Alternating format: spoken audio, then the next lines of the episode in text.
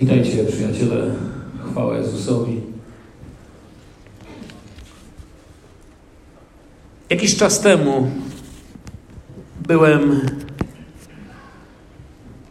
z wizytą w szpitalu, gdzie leczą się ludzie z choroby alkoholowej, gdzie leczą się narkomani. Znacie tego typu miejsca, szczególnie ci z Was, którzy chodzą tutaj w naszej okolicy. I po koncercie grupy, z którą byłem, był taki czas rozmów z ludźmi, którzy przyszli na to spotkanie. I podszedł do mnie pewien duchowny. Nie powiem z jakiego kościoła, nieważne, denominacja nie ma znaczenia.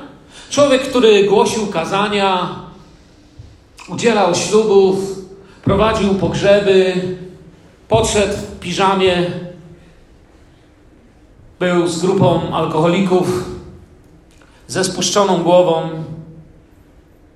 I w miarę naszej rozmowy powiedział mi gdzieś zupełnie się pogubiłem.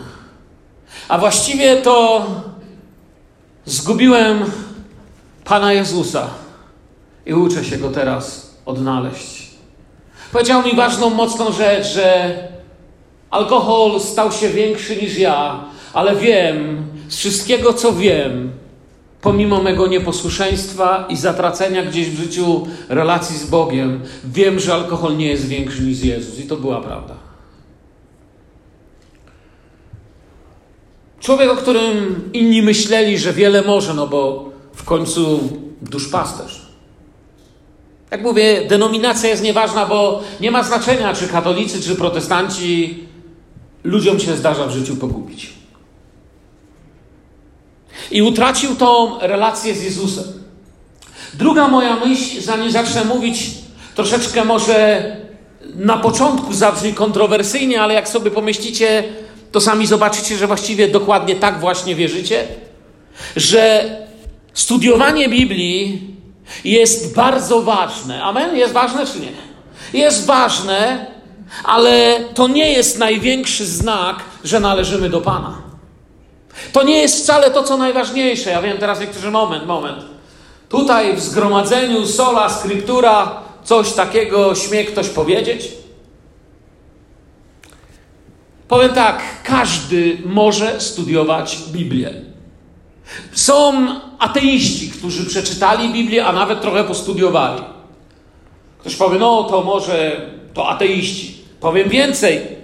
Ludzie, którzy skazali na śmierć Pana Jezusa, czyli faryzeusze, którzy, jak pamiętacie, niedawno na ten temat miałem nauczanie, powstali na przełomie tego Nowego i Starego Testamentu w czasach Habeuszy, po to, aby chronić Słowo Boże, znali na pamięć. Nawet młody faryzeusz, jak już tu mówiłem wcześniej, znał minimalnie, musiał znać Torę. A dojrzalszy stażem wpływowy faryzeusz znał całą Torah, Nevim, Ketubim, czyli to, co z tych hebrajskich liter tworzy nazwę Tanach, czyli cały Stary Testament. I ci właśnie ludzie, pomimo że znali Biblię, ukrzyżowali Pana Jezusa. A więc chcę powiedzieć, że czytanie Biblii nie jest tym, co charakteryzuje Kościół najbardziej. Jest absolutnie ważne, ale już Was nie trzymam w napięciu. Uważam, że Kościół to nie tyle grupa ludzi czytających Biblię, co grupa ludzi, którzy osobiście spotkali Jezusa Chrystusa. Co Wy na to? Bo bez osobistego spotkania osoby stajemy się ludźmi, którzy mają w dłoniach bardzo ważną księgę, bardzo ważne pismo.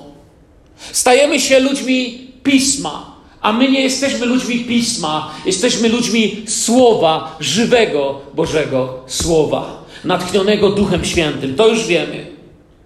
To było tu mówione, nic nowego nie powiedziałem. Najważniejsza jest osoba, osoba Jezusa. Studiowanie Biblii, kiedy stracisz osobę Pana Jezusa, staje się dziwne. Nie wiem, czy mieliście coś takiego czasami, że nawet nie tracąc jakoś bliskiej relacji z Bogiem, ale gdzieś tak zagubiwszy się, przemęczywszy za wiele spraw na siebie, za bardzo tego biegania koło swojego ego, mojego ja, co ja jestem, co mi się stało, co mi trzeba, jaki ja w ogóle jestem biedny. Czytamy Biblię, mówimy, nie pomaga, a któregoś dnia bierzesz to słowo do ręki. Mi się tak stało parę razy, kiedy przygotowywałem, nie wiem, słowo albo przygotowywałem kazanie i to słowo Boże mi się tak, wiecie, żyło jak takie siano. Czytam, ja nie wiem, może, może inni bracia, którzy nauczają, nie mają takiego problemu, ale ja z reguły mam pięć kazań naraz w głowie, ale zdarzał mi się taki problem, że czytam, a to takie jałowe jak suche siano. I, i nic nie mogę z tego myśleć i nagle coś się dzieje. Gdzieś się odrywam, spędzam czas z Panem, i nagle ta wiązka tego suchego ściana zamienia się w bogień, zamienia się w miecz, zamiesza się w coś, co sprawia, że krzyczę hurra w moim pokoju. A moja żona pyta, co się stało. Ja mówię, muszę ci coś powiedzieć. Zobacz, ja tego nigdy nie widziałem. Albo zobacz, to do mnie przemówiło.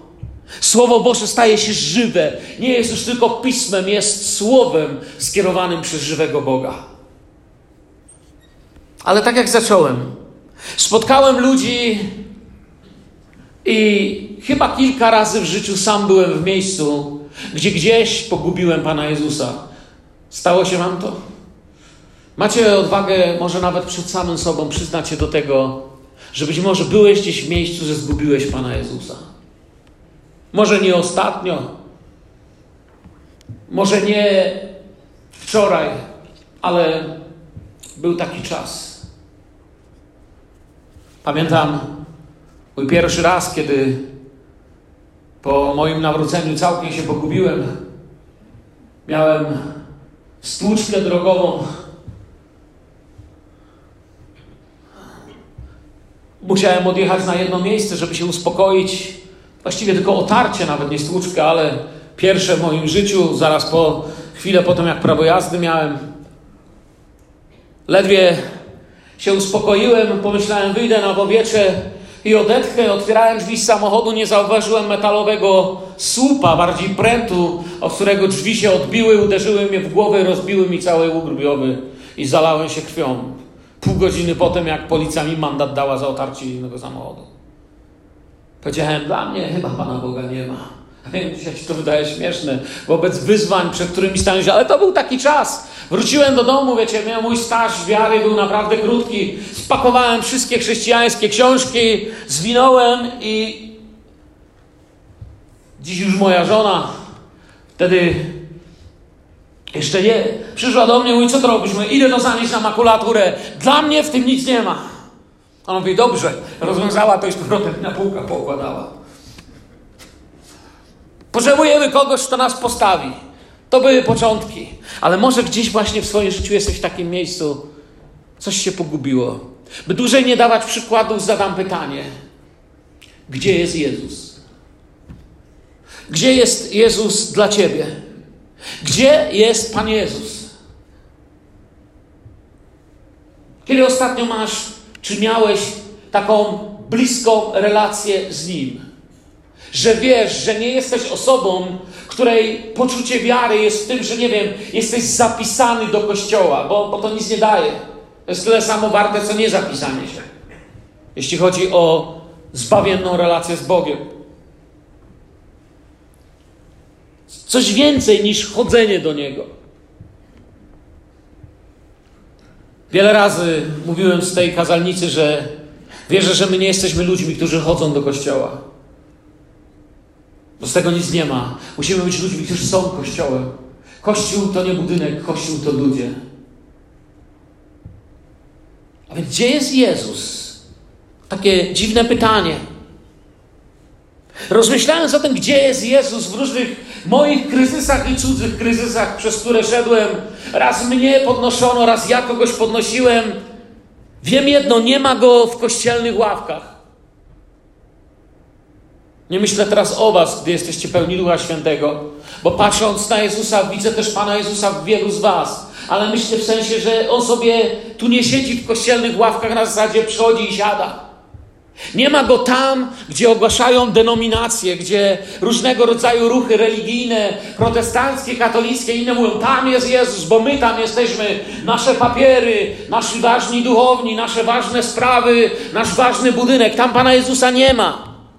Nie ma go czasami nawet na modłach zagłębiających się w siebie mistyków którzy już są tak głęboko w tym wszystkim, jeśli chodzi o wiarę, że już tylko buty stercą i nic z nich nie ma, bo się tak zagłębili.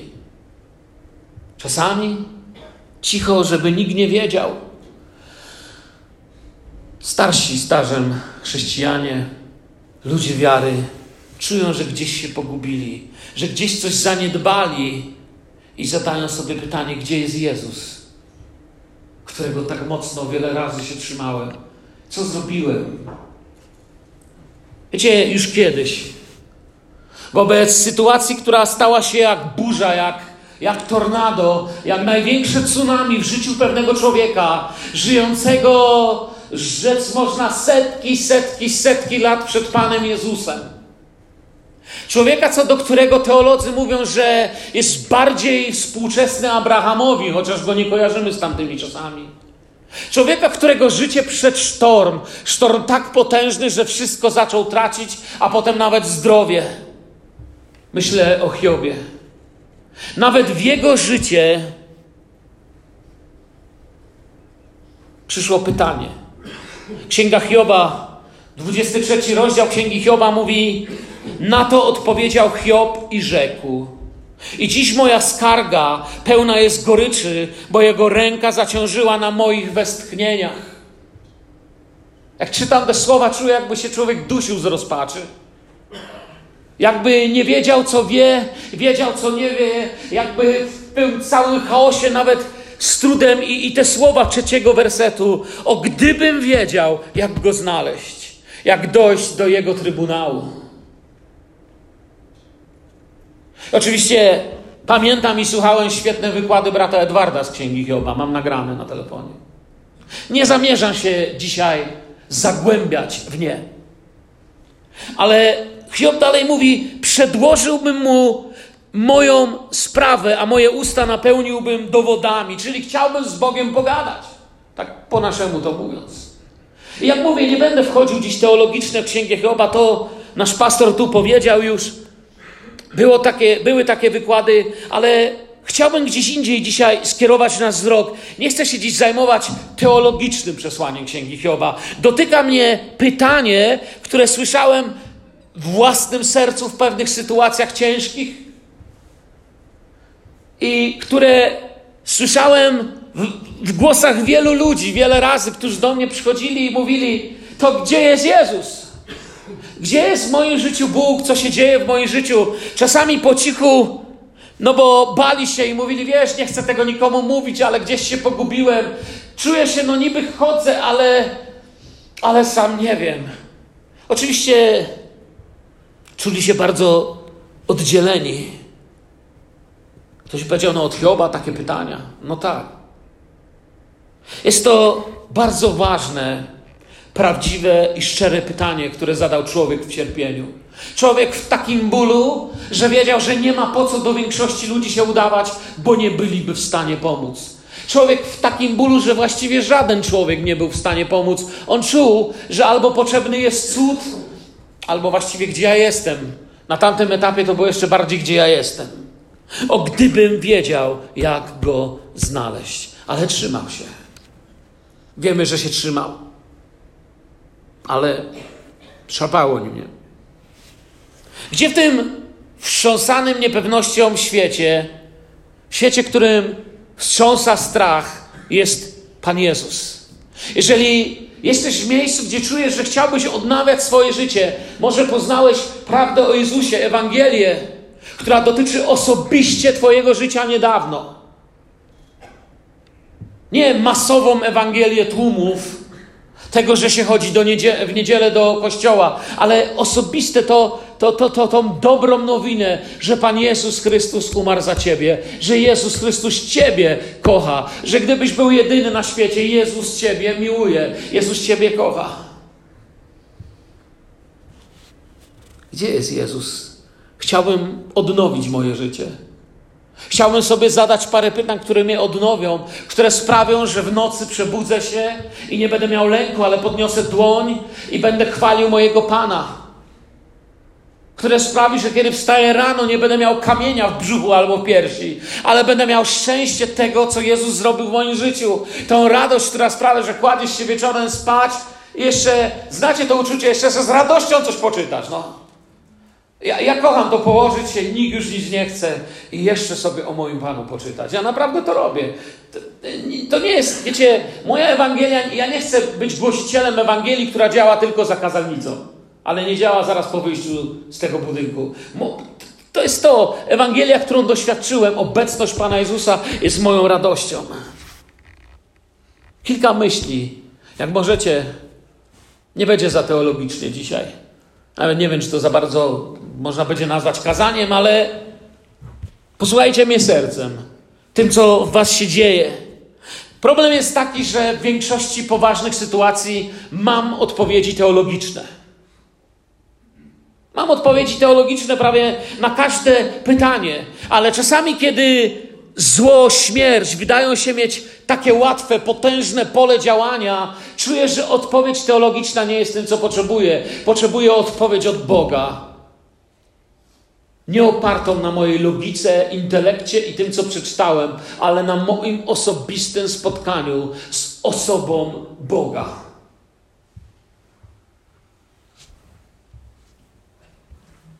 I w takich sytuacjach Hiob jest moim współczującym przyjacielem. I tak, gdzie jest Jezus, zadaję sobie pytanie. I chcę Wam wskazać kilka ciekawych sugestii ku modlitwie, ku badaniu samego siebie, co do zapytania, gdzie jest Jezus. Przez Jego słowo wiem, że Jezus jest tam, gdzie szczerze i gorliwie Go szukają. Szczerze oznacza, że naprawdę chcę znaleźć Jezusa, Syna Bożego, chcę się z Nim spotkać, a nie chcę znaleźć łatwych odpowiedzi na moje własne racje, na moje własne poglądy.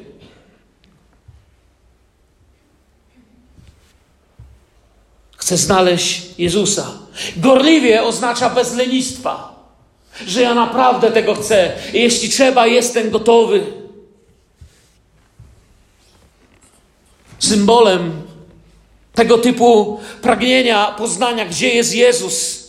Dla tych, co gorliwie go szukają i pragną naprawdę go znaleźć, takim symbolem biblijnym dla mnie są mędrcy ze wschodu. Wiele się o nich mówi z reguły tylko w okolicach Bożego Narodzenia. Bywają nazywani trzema królami i tak dalej. Mędrcy ze wschodu, czy magowie ze wschodu, jak wolimy. W jednym z historycznych dzienników znanego podróżnika Marco Polo jest zapisane takie zdanie. Jest w Persji miasto Sawech, z którego wyszli trzej magowie, kiedy udali się, aby popłon złożyć Jezusowi Chrystusowi. Tak napisał Marco Polo.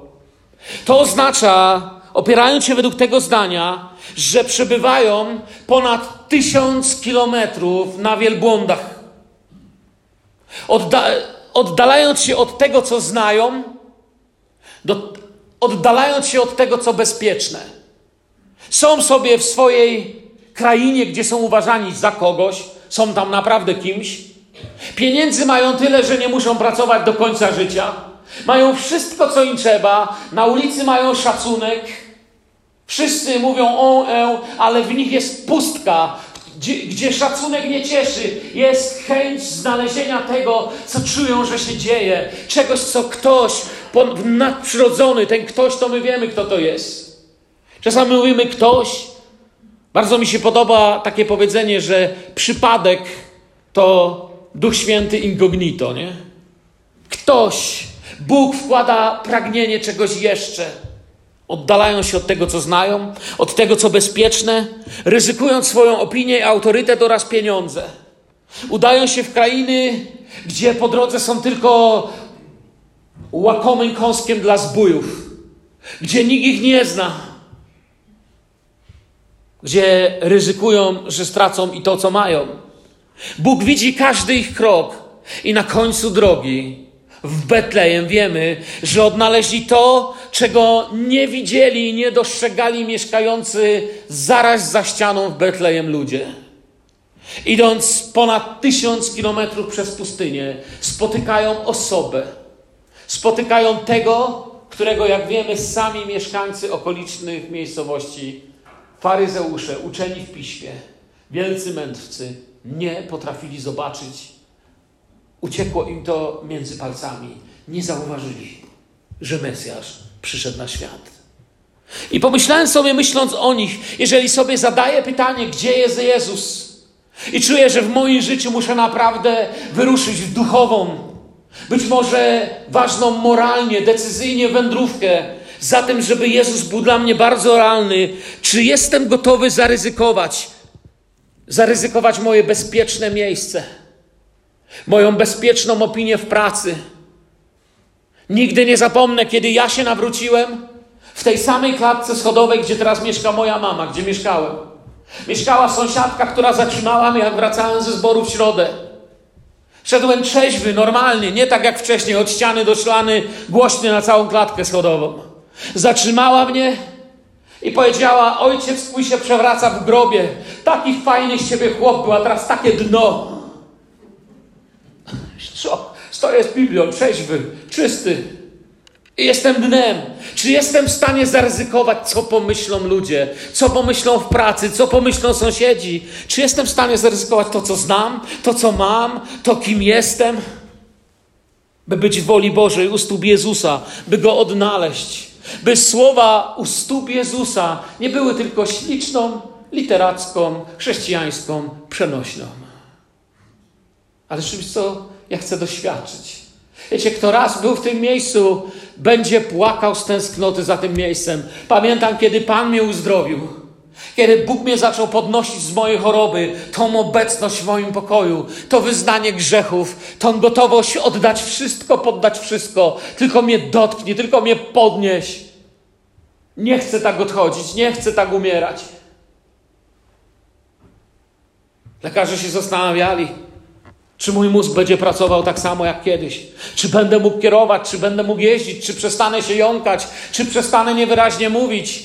A mój Pan mnie podnosił i kiedy to się zaczęło dziać, Jego obecność stała się tak realna, że każdym dniem bałem się to stracić. Wolałem to ponad wszystko niż szpitalny, nieszczęśliwy świat, niż noce pełne smrodu i potu z leków. Czułem, że jest realność, która mnie z tego wyrwie i tylko ona. By być w woli Bożej. Nie literacko, prawdziwie u stóp Jezusa. Kto naprawdę go szuka, ten go odnajdzie, wierzę w to. Tak jak mówię, więc trzeba go gorliwie i szczerze szukać. Co do służby, można zacząć od pytania, może powiesz tak, ja, jak to lepiej zdanie wyrazić, chcę powiedzieć, o tak, może powiesz tak, ja naprawdę znalazłem Jezusa, jest moim osobistym Panem, mam osobistą relację, ale, ale chcę czegoś jeszcze. Nie chcę tylko być człowiekiem przychodzącym na zgromadzenia i wysiadującym krzesło. Wiecie, można zawsze zacząć od tego, że zapytaj Boga i zapytaj ludzi, którzy kochają Boga, co jest do zrobienia, gdzie w imię miłości i w imię Pańskie mogę się przydać. Nawet nie wiecie, jaka to jest radość dla zboru, dla współpracowników w kościele, spotkać kogoś, kto się pyta, co mogę zrobić i do czego mnie potrzebujecie. I nigdy nie spotkałem takiego człowieka, który powiedział, że go wykorzystano. Gdzie można znaleźć Jezusa? Gdzie jest Jezus? Przez Jego słowo wiem również, że Jezus jest tam, gdzie Słowo Boże czyni się najważniejszym. Gdzie Biblia, gdzie Słowo Boże jest najważniejsze. Jeszcze raz mówię, nie pismo, nie w tym sensie, że postawisz sobie ślicznie jeszcze kwiatuszki obok Biblii. Panu Bogu guzik z Twoich kwiatuszków. Za Twoje kwiatuszki możesz komuś podarować. Pan Bóg chce, żebyśmy ją otwarli i żeby z pisma stała się słowem, które do nas mówi. Słowem przemawiającym. Pamiętajcie, że największe wydarzenia biblijne, wiecie kiedy się działy? nie, te słowa, te teksty się nie zaczynają tak, że ktoś kupił sobie zwój, ale te teksty zaczynają się tak. I doszło mnie słowo Pana tej treści. Albo proroka takiego, takiego doszło słowo Pańskie tej treści. Coś żywego dotknęło kogoś żywego i tak się robi życie, tak się dzieje życie. Jezus jest tam, gdzie Słowo Boże jest najważniejsze. Dlaczego powiedziałem, że przez Jego Słowo to wiem? Wiecie, różnie się w życiu gubi Pana Jezusa. Nie wiem, czy wiecie, że nawet Maria i Józef w końcu też zgubili Pana Jezusa. Szli sobie z ważnego święta. Wszystko było tak święcie i pięknie, ale nagle się kapli, że zgubili Pana Jezusa. I wiecie, gdzie odnaleźli Pana Jezusa? Odnaleźli Pana Jezusa tam, gdzie Słowo było w centrum. Gdzie o Słowie myślano, gdzie o Słowie rozmawiano, gdzie Słowo rozważano, gdzie Słowo wykładało Słowo. Gdzie Słowo objawiało się tym, którzy myśleli, że Słowo znają i byli zadziwieni. On daje się odnaleźć tym, którzy czekali na Niego, gdy się urodził, gdy nauczał, gdy zmartwychwstał. Zobaczcie na Symeona, stary, byśmy powiedzieli dzisiaj delikatnie mówiąc, dziadziuś. Symeon żył i kiedy weszli do świątyni i przynieśli małego Jezusa, on wiedział, Biblia mówi tak o nim, o Symeonie, że temu Duch Święty objawił, iż nie ujrzy śmierci, zanim by nie oglądał Chrystusa Pana. Jest pewna nieścisłość, jeśli chodzi o Grekę. Tam jest dokładniej tak, a temu Duch Święty odpowiedział, to jest bardziej dobre słowo tu. Odpowiedział, czy odrzekł przez objawienie. Czyli on musiał zadawać pytanie. On z tym chodził, on czegoś poszukiwał i temu Duch Święty odpowiedział, czy objawił właśnie odpowiedź, iż nie ujrzy śmierci, zanim by nie oglądał Chrystusa Pana. Bo bardzo chciał. Anna, Zacheusz, który wyszedł na drzewo, tak bardzo chciał. Piotr. Duch Święty posyła Filipa do Etiopczyka, badającego szczerze Słowo Boże. Jedzie sobie eunuch, sługa królowej, urzędnik i czyta. I to jest właśnie ten moment, kiedy, kiedy czytasz, ale no dobrze, ale, ale o co chodzi, nie? I w tym momencie Filip staje się żywą odpowiedzią od żywego Boga i następuje prawdziwe spotkanie z żywym Bogiem. Ten człowiek jest dołączony do braci, ten człowiek doświadcza wejścia w zupełnie inną rzeczywistość duchową. Jak wiemy, chrzci się i to zmienia wszystko, zmienia również historię Etiopii. Ci ludzie szukali prawdy o Mesjaszu, o Jezusie. Nie, im nie chodziło tylko o to, jak nie pójść do piekła. Gdzie czasami, gdy się słucha trochę kościelnych rzeczy, można odnieść wrażenie, że, że Kościół to ludzie, którzy nie chcą pójść do piekła. Ja myślę, że to, to, to jest źle powiedziane. To tak jakby powiedzieli, że mąż to chłop, który nie chce zdradzić żony. To coś więcej. Ja nie jestem tylko chłopem, który nie chce zdradzić żony. Ja jestem kimś, kto ją kocha i nawet o tym nie myśli. Coś głębiej. Czyli nie tylko to, jak nie iść do piekła, albo jak chcę pod siebie ustawić niebo, ale tego, kim on naprawdę jest. Jak Ciebie spotkać, Panie.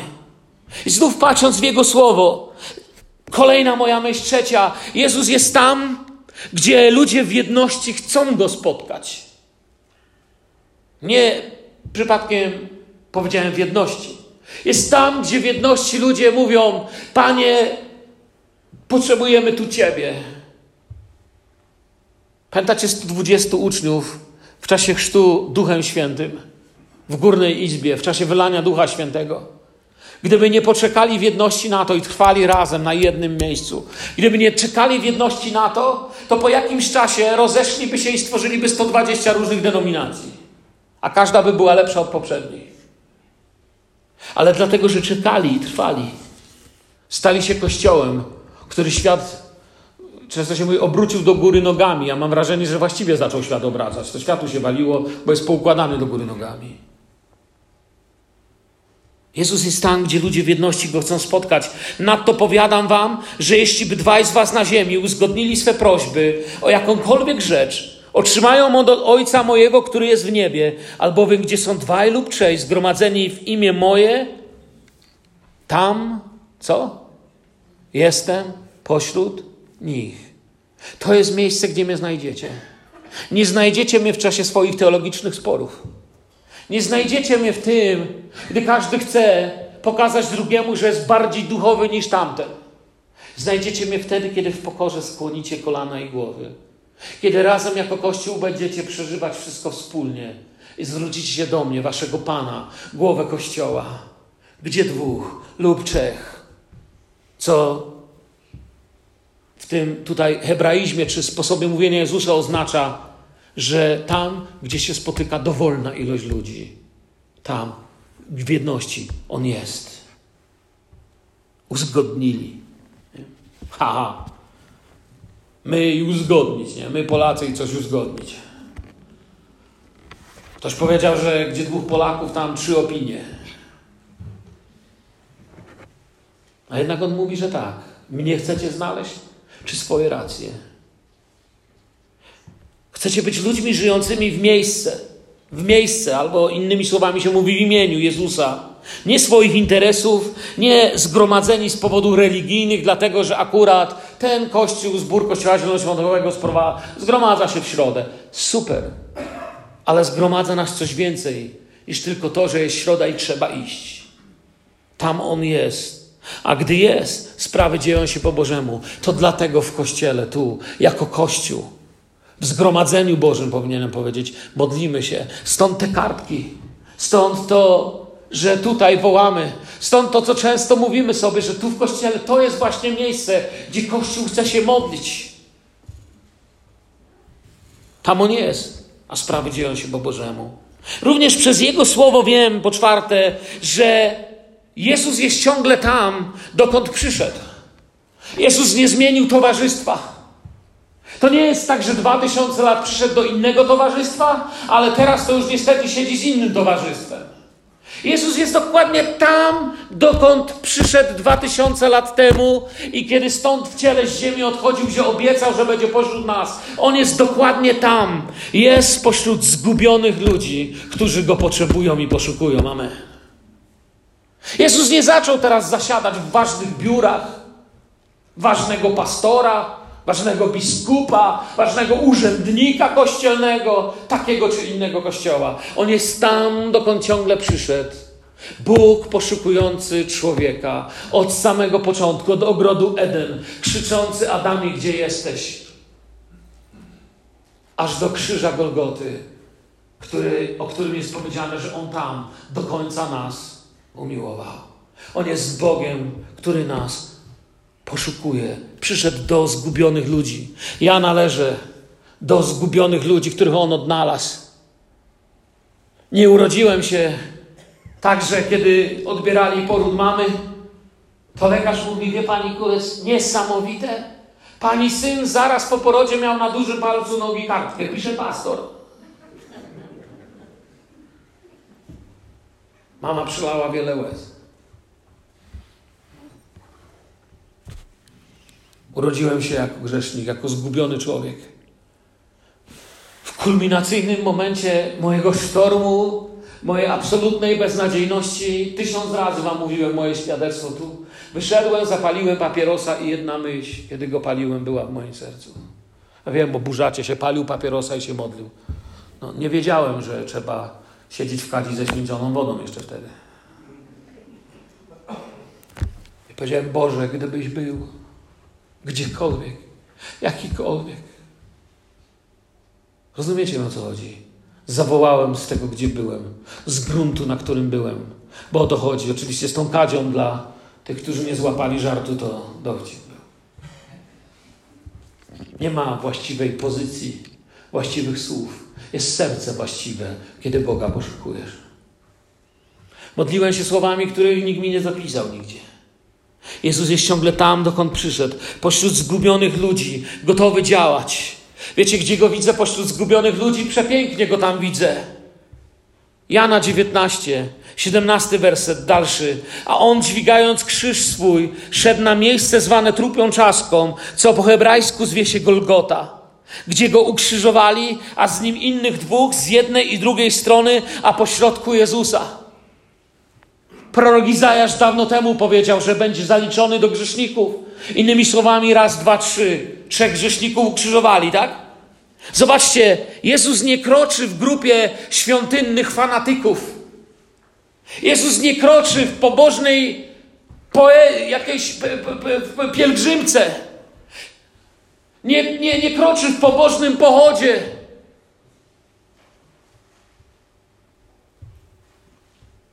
Idzie pomiędzy zbirami. Idzie pomiędzy dwoma bandziorami.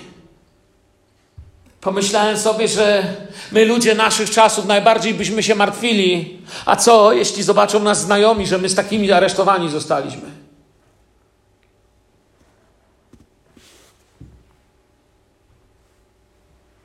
Nie traćmy nigdy z oczu Pana, który niósł krzyż.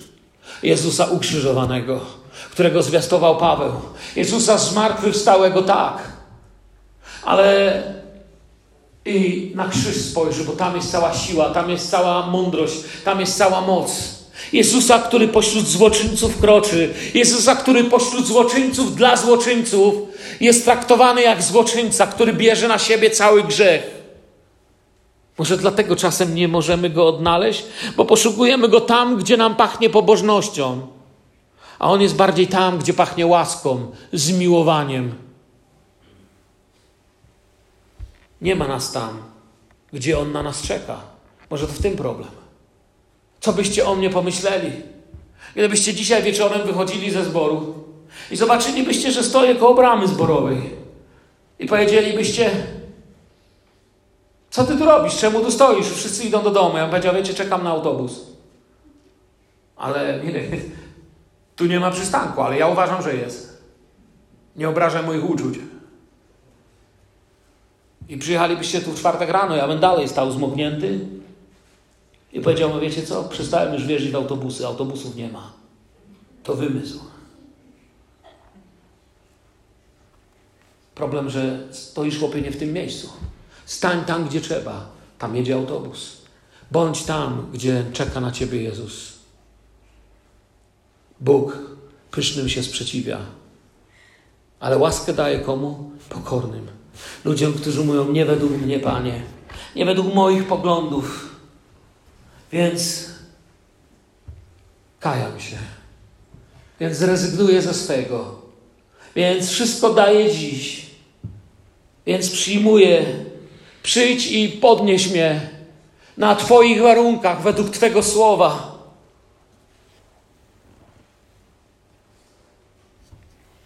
Nie chcę dziś powiedzieć, że Jezus czeka na was na krzyżu. Krzyż jest pusty. Jezus zmartwychwstał. Ale tamtędy prowadzi droga na śladowce. Czasami chcemy, by rozwiązał Pan nasze problemy. I bardzo dobrze to wiemy, że większość naszych problemów już jest rozwiązana. Bóg już ma odpowiedź, już je rozwiązał. Problem jest z nami. My nie chcemy wejść na grunt, na którym działa Bóg na swoich warunkach. To ma być po naszemu, nie wolno nas urazić, nie wolno nic powiedzieć, z czym się nie zgadzamy i czekamy w miejscu, gdzie nie ma przystanku, na którym zatrzymuje się Jezus. Obrazowo mówiąc.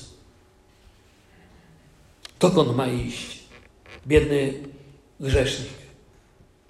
Jeżeli nie będziemy my tutaj zborem, nie będziemy zgromadzeniem, które będzie właśnie takim miejscem, gdzie zgromadzeni w jedności w imieniu Jezusa mamy Go pośród siebie. Dokąd ma w naszych czasach XXI wieku iść grzesznik, kiedy tyle kościołów cały swój budżet zużywa tylko po to, żeby samych siebie utrzymać? Tak się cieszę z naszej misyjności, dobroczynności, błogosławieństwa, które niesiemy, z, tysięcy zborów, które tam, które, które są czymś więcej niż budynkami, które są miejscem, skąd płynie miłość, gdzie spotykać grzesznik może żywego Boga. Tamtego dnia, kiedy się urodził, znaleziono Jezusa w żłobie, Tamtego dnia, kiedy się im pogubił, znaleziono go w świątyni. Tamtego dnia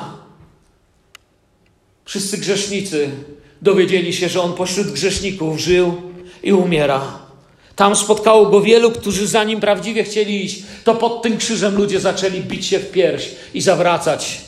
To pod nim nawet jeden ze złoczyńców ukrzyżowanych powiedział: Jesteś Mesjaszem. Panie, wspomnij na mnie, gdy wejdziesz do Twojego królestwa. On nawet, wiecie, on się nie wyrażał religijnie, tak pięknie. On nie był nauczony modłów, to był, to był zbój. Wspomnij na mnie. Nasze największe odkrycie wtedy jest, że Jezus nie chodzi do kościoła, on żyje w swoim kościele. A jego sposoby i metody działania rujnują wszelką fałszywą pobożność i religijność. Jezus jest tam, po piąte, gdzie nagle nasze wygłodniałe, może tak teraz się czujesz, wygłodniałe, wystraszone serce zaczyna pałać, choć logicznie może się nam to nie zgadzać, ale coś zaczynamy czuć. Zaczynasz gdzieś, idziesz raz na jakieś spotkanie, gdzieś raz na coś spojrzysz, jedno słowo z Biblii dotyka Twego serca, a coś w Tobie zaczyna się tlić, coś zaczyna pałać. Czujesz, że jest jakiś klucz, że znajdujesz nowe drzwi, przez które do tej pory nie wchodziłeś. Pamiętacie, po tym, kiedy Pan Jezus został ukrzyżowany, wielu uczniów się pochowało, wielu myślało, że no to już koniec, wszystko skończyło się. Do końca nie wiedzieli właściwie, co dalej, jak to dalej będzie. Było takich dwóch, co szli drogą do Emaus sobie. Dlaczego szli? Szli do Emaus dlatego, że to byli Polacy. Skąd wiem, że to byli Polacy? Stąd, że mówili, a myśmy myśleli, że inaczej będzie. I widać, że Polacy. Nie, żartuję. Wszyscy ludzie tego typu jesteśmy. Myśmy mieli swój plan na to, jak ten Mesjasz będzie działał. No i niestety nie dzieje się według tego, co myśmy zrozumieli. I tak sobie idą, idą. Potem Jego spotykają, ale Go nie dostrzegają zupełnie, ponieważ są tak bardzo skupieni na Mesjaszu swojej wizji i temu, co się nie stało, i temu, co mogło być, ale nie ma, i co oni myśleli i tak dalej. Krótko mówiąc, kompletnie na czym innym skupieni nie dostrzegają. Ale On z nimi rozmawia, On łamie chleb. I kiedy w końcu zostają sami, pamiętacie, co mówi 32 werset, 24 rozdział Łukasza? I rzekli do siebie – Czyż serce nasze nie pałało w nas, gdy mówił do nas w drodze i pisma przed nami otwierał? Coś w nas było. I wstawszy tejże godziny, powrócili do Jerozolimy i znaleźli zgromadzonych jedenastu i tych, którzy z nim byli, mówiących: Wstał Pan prawdziwie i ukazał się Szymonowi. A oni też opowiedzieli o tym, co zaszło w drodze i jak go poznali po łamaniu chleba. A gdy to mówili, oni sobie opowiadali żyli tym. To była ich pasja, marzenie. Po to przecież wrócili, bo serce pałało, bo widzieli. A gdy to mówili, on sam stanął wśród nich i rzekł im: Szalom, pokój wam, pokój wam. Jest dla mnie ciekawe. Zwróćcie uwagę na to połączenie sytuacyjne tu. Oni wrócili, on się pojawił. Oni wrócili, on się pojawił. Gdy wracamy, On się pojawia. Może gdzieś w swojej służbie, w jakimś tam rodzaju swoich religijnych przeżyć zawiodłeś się. Powiedziałeś, nie ma Boga, rezygnuję, nie? I później gdzieś coś odnajdujesz, a może zrezygnowałeś z jakiejś służb w kościele, jeszcze chodzisz, jesteś, albo gdzieś w tym miejscu jesteś, trudno mu wymienić wszystkie możliwe okoliczności. Ale są miejsca i służby, że kiedy o nich mówisz, kiedy je wspominasz, to czujesz coś w środku. Wracaj, nie kończ na czuciu. Tak wielu z nas myli sobie czucie z wiarą. My nie jesteśmy czujący, my jesteśmy wierzący, wiecie o tym? Ludzie czasem do mnie mówią, wiesz, czuję to, czuję tamto. Dziesiątki ludzi. A ja im odpowiadam to, czego się nauczyłem, bo sam często czułem, czułem i czułem że to nie chodzi o to, co czuję. Chodzi o to, co mówi Biblia, co jest faktem. Moje odczucia mogą być kłamliwe, zresztą odczucia często są kłamliwe. Jak masz doła i się obudzisz o północy, to masz wrażenie, że cały świat się wali, a rano sam nie wiesz, o co ci chodziło. Odczucia. Wracaj, nie kończ na czuciu. Są sprawy, które rozwiązuje się przez Twoje działanie, Twoją gorliwość, moją gorliwość, przez naszą gorliwość działania, a nie przez to, co czujemy. Są miejsca, gdzie ludzie niekoniecznie nas widzą, ale czujemy. Czujemy i może nie wszyscy widzą, że coś się w nas zmienia. Jeszcze nie wszyscy dostrzegają, że czujemy, ale idźmy za tym, co czujemy. Idźmy dalej. Czujemy, że On tam jest, a jeśli On tam jest, to trzeba tam biec. Serce w nas pała tym ogniem, tą nową nadzieją, że, że to znowu będzie to spotkanie, chociaż gdzieś się pogubiłem. Czasem nawet nie widzieliśmy siebie w takiej roli czy w takim miejscu, a On tam jest i wiemy i powołuje nas do rzeczy, o których nawet nie marzyliśmy, że będziemy robić. W Biblii mamy coś takiego jak dzieje apostolskie. Mamy czy nie? My czasami myślimy, że mamy odczucia apostolskie. To nie są odczucia, to są dzieje. To są dzieje. Dzieje apostolskie, po których następują dzieje Kościoła. Wczesny Kościół, gdyby się opierał na tym, co czuje, to by musiał poczuć, że Boga nie ma. Ale nie opierali się na tym, co czują, tylko wchodzili w męczeństwo, wielbiąc Pana i modląc się o Cezarów, modląc się o prześladowców, modląc się o tyranów. Także to tyrani się bali zamiast skazańców. Wielu przychodzi do kościoła czasami tylko po to, żeby usłyszeć to, co już wiedzą. Pogodzili się, ustawili słupki. To jest granica tego, co wiem. Chcę, żeby było ogłoszone to, co wiem. Ma być podobnie jak zawsze, podobnie jak codziennie. Nie wolno powiedzieć niczego, z czym my się nie zgadzał. Takie nastawienie sprawiło, że religia nie rozpoznała i odrzuciła Jezusa. Nie chodzi o to, co wiesz, co sobie poustawiałeś, co się nam wydaje. Jezus jest tam, gdzie gorliwie, z całego serca, w jedności, w modlitwie czekasz i prawdziwie chcesz spotkać Go. Bo przez Jego słowo wiem, że Jezus jest pośrodku wiecznej chwały i przygotował dla nas miejsce. Amen. Jezus przygotował dla nas miejsce. Zobaczcie, co powiedział w Jana 14. Niech się nie trwoży serce wasze, wierzcie w Boga i we mnie wierzcie. W domu ojca, me, ojca mego wiele jest mieszkań. Gdyby było inaczej, bym, wam powiedział, idę przygotować wam miejsce. A jeśli pójdę i przygotuję wam miejsce, przyjdę znowu i wezmę, wezmę was do siebie, abyście byli, gdzie i ja jestem, abyście, przepraszam, wezmę was do siebie, abyście, gdzie ja jestem i wy byli. Dla mnie jest piękne. Oto jestem z wami. Po wszystkie dni, aż do skończenia świata. A potem Potem wezmę was do siebie i po skończeniu świata wy będziecie ze mną. Idę przygotować wam miejsce. Gdzie On, tam i my. Wiecie, ja nie wiem, jak można żyć dzisiaj bez pragnienia spotkania z Bogiem. Kiedy gdzieś się tracę, zaczynam się smucić, natychmiast próbuję odzyskać. Nie pozwalam, żeby jakakolwiek sprawa o, nie wiem, czy to remont domu, czy, czy, czy kupno czegoś ważnego, czy szkoła, czy jakieś inne sprawy, nawet zdrowie, żeby mnie zarwało coś z tego poczucia, że chcę mieć związek z Jego żywą osobą. Oto dlaczego wieczność dla mnie warta wszystko i dla Was też. On tam na nas czeka. Oto dlaczego musisz go spotykać osobiście. Pamiętajcie, chrześcijaństwo nie jest zbiorem teologicznych poglądów. Są częścią tego, co nazywamy wiarą naszą ale ponad wszystko jest zgromadzeniem ludzi, którzy osobiście Pana spotkali.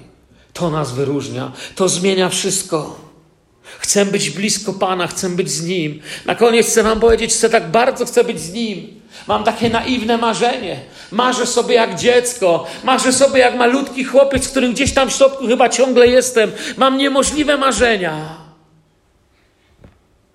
Myślę sobie, to chyba niemożliwe, musi być od Boga.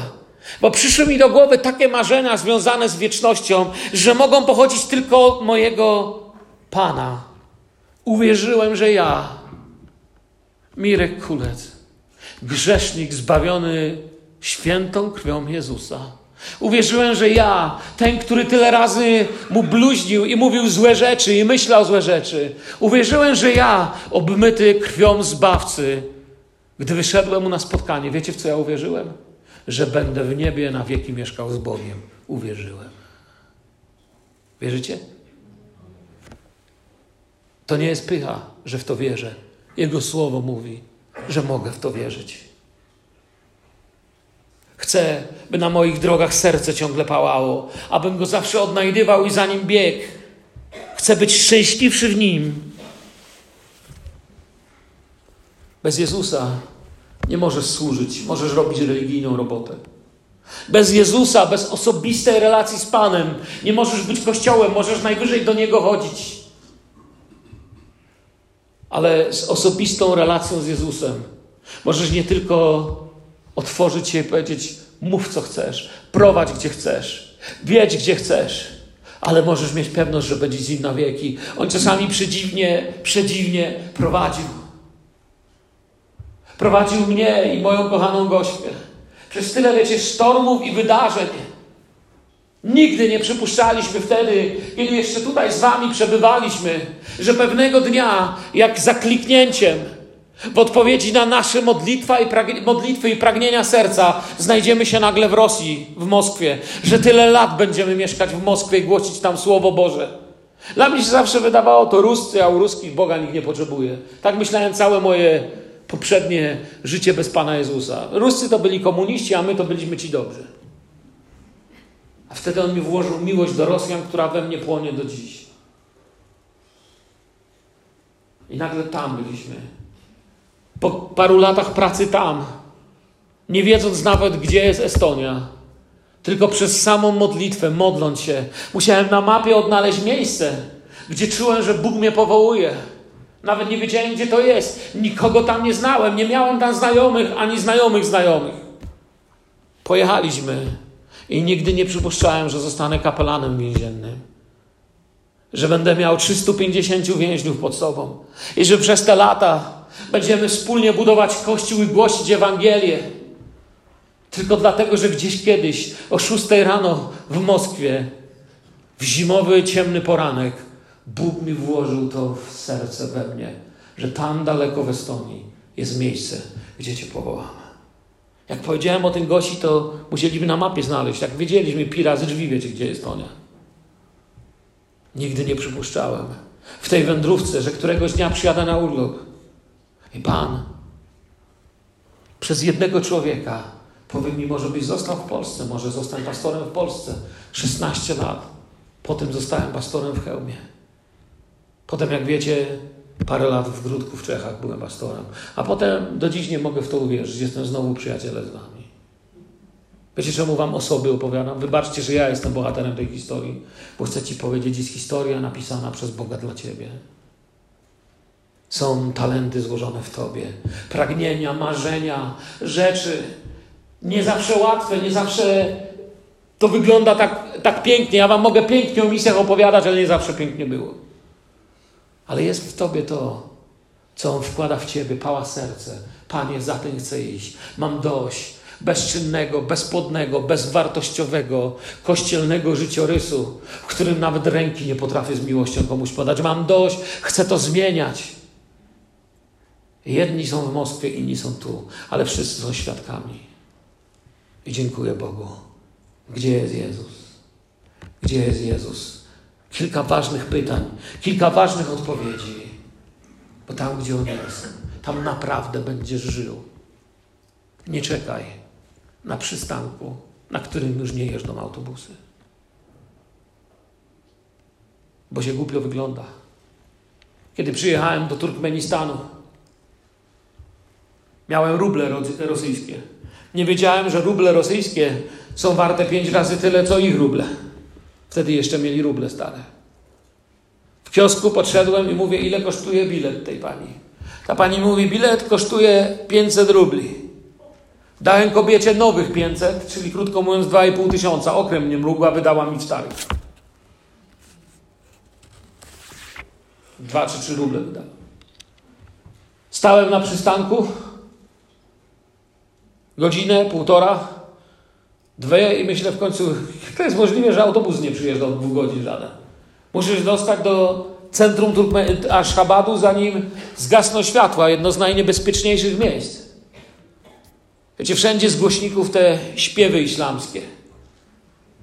Wyróżniałem się, wyglądałem jak normalnie w Bielsku bym musiał chyba sobie całego się na czerwono pomalować, żebyś tak wyróżniał.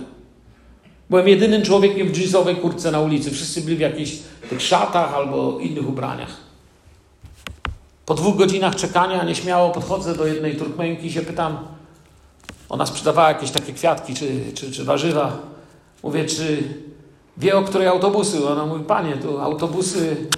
Ona mówi do mnie, tu autobusy nie chodzą od kilku lat, zbankrutowały, nie ma autobusów. Ja mówię, my bilet sprzedali. O, to pana nabrali. A ja stałem. Taksówki musiałem łapać. Nie stój w takim miejscu. Nikt cię nie nabiera. Jezus jest tam, gdzie są grzesznicy, gdzie są ludzie w potrzebie, gdzie ludzie, którzy prawdziwie Go chcą spotkać, którzy chcą prawdziwie być powołani. Nie powoła Cię chodzenie do kościoła. Powołać Cię może tylko osoba, żywa osoba Jezusa. Ona Cię powoła, ona Cię podniesie, ona Cię uzdrowi, ona Cię odnowi. Chciałbym się dzisiaj z Wami, przyjaciele, móc pomodlić. Jeżeli czujesz, że